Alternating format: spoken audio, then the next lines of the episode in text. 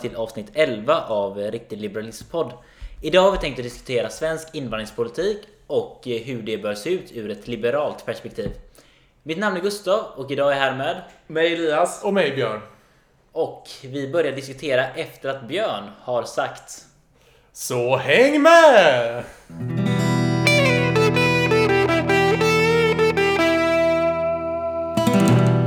Starta igång detta. Björn, skulle du kanske vilja ge en liten överblick på hur invandringen till Sverige sett ut de senaste åren? Ja, det vi kan se här de sista tio åren i invandringspolitiken är att om vi ser tillbaka, säg tio år. Då hade vi Nya Moderaterna med Reinfeldt i spetsen som hade en väldigt liberal blick på hur invandringen skulle fungera. Och eh, vi kan ju egentligen se det som en eh, linje där invandrings... Vad, framförallt vad svenska folket tycker om invandringen har gått negativt och det har blivit en viktigare och viktigare fråga. Och där har man ju sett att Sverigedemokraterna har starkt kapitaliserat på just den här frågan. Med tanke på att de andra partierna inte riktigt hängde med i den folkliga opinionen. Och det, vi, vi har diskuterat populism tidigare men eh, där har, eh, tog ju Sverigedemokraterna många billiga röster framförallt ifrån Socialdemokraterna och Moderaterna där invandringskritiska inom de partierna gick över till Sverigedemokraterna. Ja, och precis som du säger så eh, för 10-12 år sedan någonting där innan SD växte så mycket så var det ju en eh, ja, kamp om att eh, vara så öppen och eh, mot invandring som möjligt och så fin och sådär. Nu är det snarare tvärtom, att de tävlar som att vara så hård som möjligt nästan om eh, invandringen. Särskilt eh, mellan SD och Moderaterna som ja, bara försöker tävla om invandringskritiska röster känns det som. Ja, jag skulle inte säga att Socialdemokraterna ligger så långt efter. Men det vi, också, vi har ju också diskuterat där om den här paniken. Jag tror att både, ja, framförallt Socialdemokraterna känner nu att makten börjar rinna ut dem ur händerna. Och det är väl ungefär vad det värsta som kan hända en socialdemokrat om de inte har eh, eh, statsministerposten. Men det man också kan se är ju att hur Sverigedemokraterna har, alltså hur synen på Sverigedemokraterna har förändrats. Alltså att rösta på Sverigedemokraterna i valet 2010, då var det ju ja, årets rasist. Medan de har ju blivit ett mer, vad ska vi kalla det, accepterat parti idag. Där de här åsikterna kring invandringen har blivit i stort sett en mainstream-åsikt. Och att tycka någonting annat än att vi ska ha hårda gränskontroller, en låg invandring och att det är en extrem åsikt att ha. Ja, det är som du säger att men den frågan som är starkt, eh, mest starkt kopplad till Sverigedemokraterna är ju det invandringskritiska. Och i och med att den åsikten i sig har blivit mer normaliserad har ju då partiet blivit normaliserade. Eh, och eh, ja, som du säger så har man sett den här eh, över, att hela politiken har vänts, gått från att de flesta var ändå accepterat att vi har en öppen och fri invandring till då att nu de tävlar om invandringskritiska röster. Och eh, den vanligaste kritiken mot invandring som kommer från till exempel SD och har varit ganska lik senaste åren. Alltså dels så, eh, ja, i, vissa drar ju ett eh, skattepolitiskt argument att det är helt enkelt kostsamt med den invandringen vi haft och att det kommer öka skattetrycket för oss andra. Ja, men en viktig punkt är ju att framförallt Moderaterna har ju den här ingången i frågan att för att vi ska kunna lösa integration i samhället så måste vi minska invandringen. Men problemet är ju att finns det egentligen ett värde i att integrera på det sättet som de tänker att invandrare ska bli svenskar? Är det inte, finns det inte något värde i att vi öppnar upp kulturen och tar det bästa ifrån alla istället för att försöka ta död på den kultur som de kommer med för en, ja, vad vi kan kalla en svensk kultur. Ja, där ser man ju på Moderaterna att de har ju gått mer från att eh, ta det då skattepolitiska argumentet för eh, att eh, vara emot invandringen att det kostar samhället pengar och mer gått över till det SD var tidigare snackade om att eh, bevara det kulturella. Som eh, nu häromdagen kom de ut med förslag att eh, det ska vara språkkrav och eh, för att få medborgarskap i Sverige. Att, och det tyder ändå på någonting om att de värnar att bevara den svenska kulturen. Och sen tycker jag också argumentet på andra sidan eh, Alltså de som är för invandring, det finns ju fortfarande de som är det i Sveriges riksdag fortfarande. Eh, jag tycker att de ofta argumenterar ganska dåligt för sin sak. Exempelvis så kommer jag ihåg eh, som alla Reinfeldts öppna era hjärtantal och eh, ja, Miljöpartiets politiker som säger floskler och humanism och öppenhet och allt det här. De representerar inte fri invandringsåsikten väl tycker inte jag utan det blir på något sätt målar de upp en bild om att okej, okay, vi svenska befolkningen måste offra oss här nu för att hjälpa de här människorna som är svårt. Och det tycker jag är fel riktning att gå. Vi ska istället belysa varför det är gynnsamt både för de personerna som får möjlighet att flytta hit och för oss som bor här att vi har invandring. Då kan man locka över folk till den åsikten lättare. Ja, men det är ju det här klassiska. Annie Lööf slår näven i bordet och säger det här är ett värderingsval. Men egentligen borde vi se på det ur ett ekonomiskt perspektiv och se de fördelar som finns med att ha öppna gränser.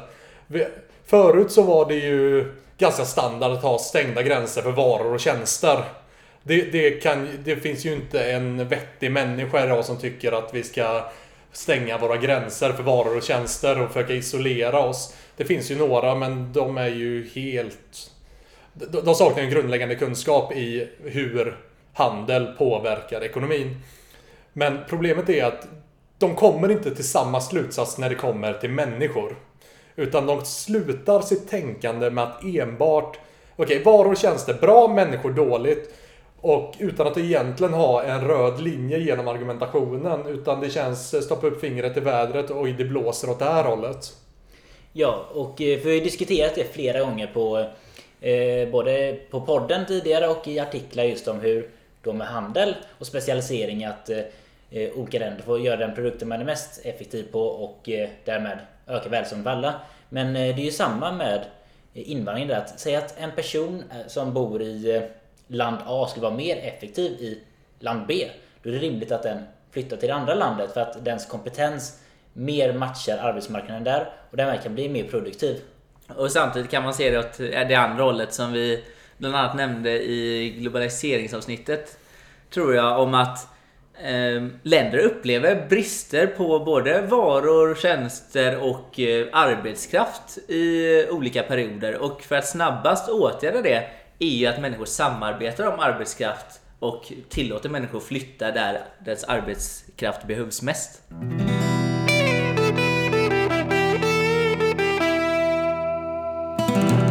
Sen så finns det ju även ett ideologiskt argument i det hela och det handlar ju om att eh, eh, människan ska få bo var hon önskar. Och det ska man inte glömma när man snackar invandring att det är lätt att se det som invandringsfrågan när man diskuterar volymer och kvoter men i grund och botten handlar det ju om människor. Och eh, människor då som vill flytta i världen, eller blir tvungna också om man flyr från krig. Men eh, att då den rätten att du som människa får bo var du vill är oerhört viktig. Ja, eh, och även ehm, åt andra hållet. Personer som har bostäder eller är arbetsgivare borde ju också ha rätten att få sälja sin bostad till vem han eller hon vill eller anställa vem han, han eller hon vill. Jag säljer till exempel eh, min lägenhet nu precis och jag tycker ju att jag bör ha rätt att få sälja den lägenheten till vem jag vill. Jag tycker inte att eh, ja, staten ska förhindra mig från att sälja den till en person från ett annat land helt enkelt. Eh, en väldigt positiv grej är ju exempelvis inom EU. Vi kan flytta och arbeta var vi vill. Sen, är ju det här, sen går ju det här dessvärre inte utanför EUs gränser. Men själva det här fundamentet att man ska kunna lämna ett land, arbeta i ett annat utan en byrålåda med pappersexercis med byråkrater som ska lägga sig i varenda del i beslutet. För att försvåra, förhindra och ineffektivisera. Ja, exakt. Och jag vet eh, ett exempel eh, som jag har tänkt på. Jag har inte, ska vara ärlig, jag har inte studerat det jättenoga, men i Dubai har de ju eh, ja, superprojekt såklart med deras stadsplanering och bygge där. Och jag vet att de har ju ganska öppen invandring just när det kommer till arbetskraft. Det kommer många personer från asiatiska länder och jobbar där. Och det är ju ett praktexempel på hur just invandringen är gynnsam för alla. Alltså i Dubai så finns det väl brist på mycket arbetskraft som behöver för att expandera sitt stadsbyggande. Samtidigt som det finns massa fattiga personer i närliggande länder som ja, gynnas jättemycket om man får flytta till Dubai och jobba där. Det är väl ett praktexempel på hur båda parter kan gynnas. Ja, precis. Där, men där tar de ju lite i beaktning att vart har vi brist? Alltså de sätter ju sig... Det är ju, det är ju inte att de är snälla som de eh, väljer att ha den här arbetskraftsinvandringen. Utan de anser ju, säg att vi har brist i, för snickare. Bara som ett exempel. Och då tar de in snickare. Det är inte det att de har en... Med tanke på att jag själv har kollat på att flytta dit och arbeta så vet jag att de har ändå ganska hårda regler på vilka som får komma in. De har, väldigt, de har hur många olika arbetsvisum som helst och de, de är helt beroende på vad behöver vi från utlandet. Ja, och det är där eh, problemen uppstår för att grejen är att det är väldigt svårt för en stat och för politiker att förutse var det kommer vara bristyrken inom fem år eller inom sju år. Så om du har det systemet då att du försöker verkligen rikta invandring mot vissa jobb och se det som ett verktyg på det sättet som du beskriver Björn. Då blir ju problemet att ja, helt plötsligt så ökar efterfrågan på sjukvård som i Sverige och vi har inte tillräckligt mycket sjukvårdspersonal. Eh, då är det för sent att eh, börja försöka öppna upp invandringssystem mitt i en resursbrist. Utan poängen är att man måste vara lite... Ja, det, bäst, det bästa sättet att, ehm, att planera är att eh, vara öppen hela tiden om man säger så. Ja, alltså ett, en fundamental grej jag tänker på när vi pratar om det här är Moderaternas fruktansvärda förslag på en minimilön på arbetskraftsinvandring. Det gör ju att de enda som kan komma hit är högkvalificerad arbetskraft. Vi har ingen stor eh, brist på sådana yrken. Det är kanske inom IT, men överlag har vi ingen jättebrist på högkvalificerad arbetskraft i det här landet. Det var brist på, det är lågkvalificerad arbetskraft. Och med det här förslaget bara, titta! Vi slår undan benen på de här industrierna. Och bara lycka till, hoppas att ni klarar det och sen eh, staten gör vad staten alltid gör. Att bara problematisera för företagare att klara av att driva sitt företag. Ja, och sen om man ska... Just när man pratar om det här individuella friheter och rättigheter, att man får ja, röra sig var man vill, så kan man ju gå in på en liten flummig diskussion också om man vill om att är det verkligen rimligt att alltså staten Människor har ju ofta synen på att staten äger verkligen landet.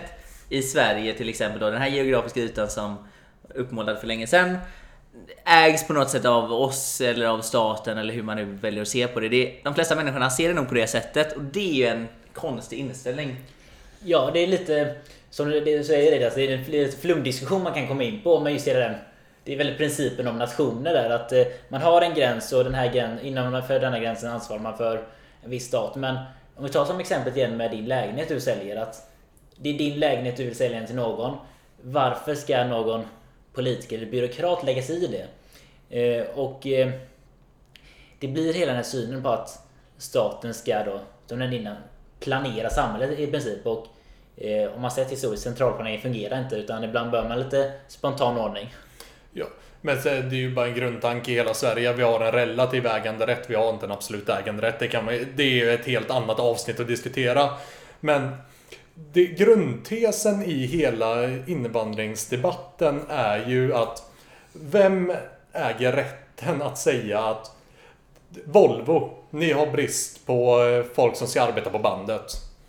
Ni får inte ta in de här människorna som vill arbeta på bandet. Ni vill anställa de som jobbar på bandet. De vill komma och arbeta på bandet. En tredje part som har ingenting med det att göra kommer in och säger Nej, det går inte. Det är ju helt befängt.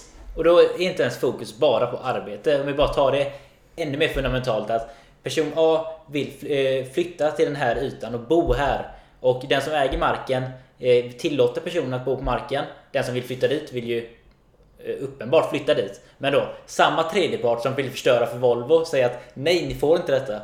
Det är helt, helt befängt. Helt befängt. Definitivt.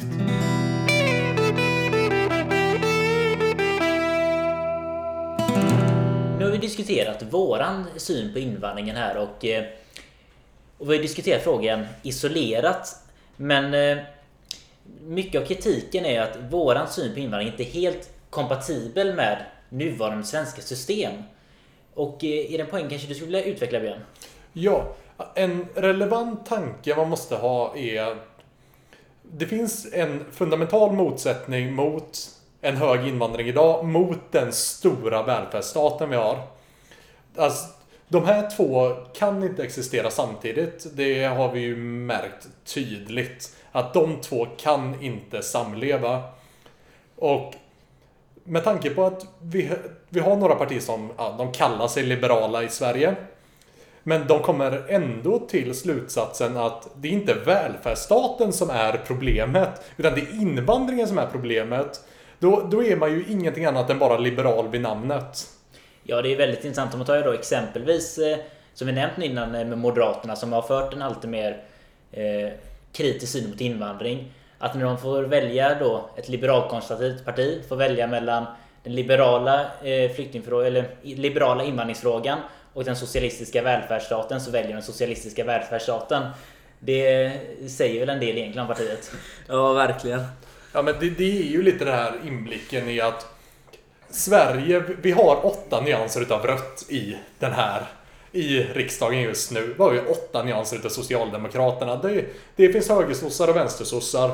Men problemet är att vi kommer inte komma ur det här status quo utan att det, vi faktiskt får in något riktigt liberalt parti som inte följer den här folkhems eh, Sverige där vi ska ha en stor, en stor välfärdsstat som ska ta hand om allt och alla. Tanken med välfärdsstaten från början var ju att ta hand om folk när de inte kunde jobba.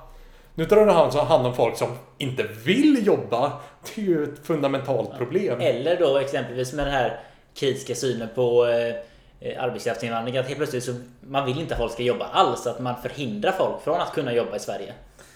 Ja, och sen eh, när det kommer till de olika partiernas invandringspolitik så till exempel SD och Moderaterna då som är ganska lika numera. Så de har ju en ifrågasättandet i första skedet tycker jag är ganska rimligt att just intuitiva ifrågasättandet. Ska, jag, ska verkligen jag behöva finansiera andra människors liv? Jag tror att det är ganska många som kommer till en invandringskritik utifrån det hållet. Eh, men problemet är att de stannar tankeverksamheten alldeles för snabbt. Alltså, av samma anledning som det man, man bör ifrågasätta att varför ska jag tvingas försörja andra personer som kommer från andra länder? Borde man ju även komma till insikt med att varför ska jag behöva försörja personer som kommer från andra städer? Det är ju precis samma argument egentligen. Och eh, där faller ju många kort. Problemet är ju att när du har en fri invandring med en stor välfärdsstat som vi har idag i Sverige så har människor incitament att komma hit utan att jobba. För att de kan komma hit och leva ett hyfsat bra liv utan att behöva ja, jobba helt enkelt. Då är, det, då är det inte konstigt att människor hamnar i arbetslöshet om de inte har incitament nog att gå eh, till jobbet. Jag vill bara ta upp två stycken fundamentala problem med hur vi ser på politik överlag i Sverige. Vi har en tendens att sätta kollektivet framför individen. Och det fungerar ju jättebra när vi var ett protektionistiskt land där grundtesen var att alla som kan jobba, jobbar. Där har vi problem nummer ett, att vi sätter kollektivet framför individen. Problem nummer två är skyhöga ingångslöner. Vi, vi har löner som, alltså, säg lågkvalificerad arbetskraft de kommer ju inte kunna producera för den lönen de ska få ut och då kommer ju de aldrig någonsin kunna komma in på arbetsmarknaden. Och då sätter vi oss i den här situationen samtidigt som vi har en stor välfärdsstat. De kommer inte in på arbetsmarknaden och då är alternativet att de får leva på bidrag och finansiera sitt liv med ja, som andra blir tvingade till att finansiera. Ja, det, det säger ju en helt annan diskussion som eh, säkert kommer komma i framtida eh, poddavsnitt just om svensk arbetsmarknad. Hur det verkligen förstör för dem som, som verkligen vill jobba. Ja, och...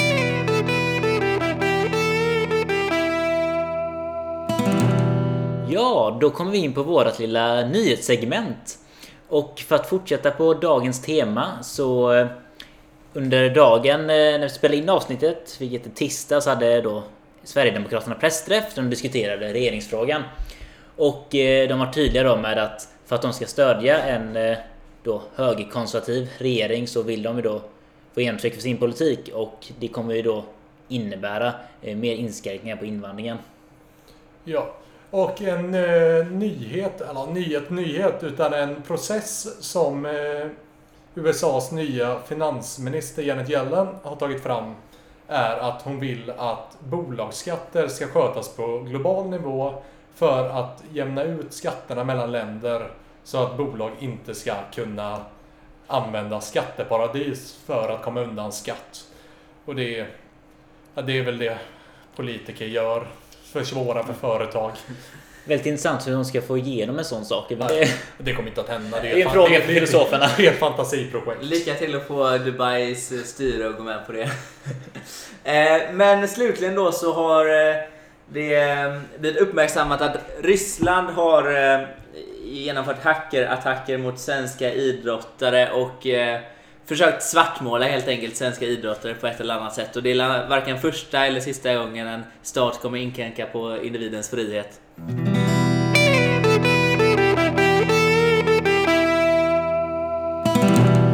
Ja, mina damer och herrar. Det var avsnitt 11 gällande den svenska invandringspolitiken och har ni inte tröttnat på våra tankar och idéer så får ni gärna lyssna på något av våra tidigare avsnitt. Eller så får ni också gärna gå in på hemsidan och läsa några av våra många artiklar. Givetvis kommer nästa avsnitt nästa vecka på onsdag. Ha det gött! Hej!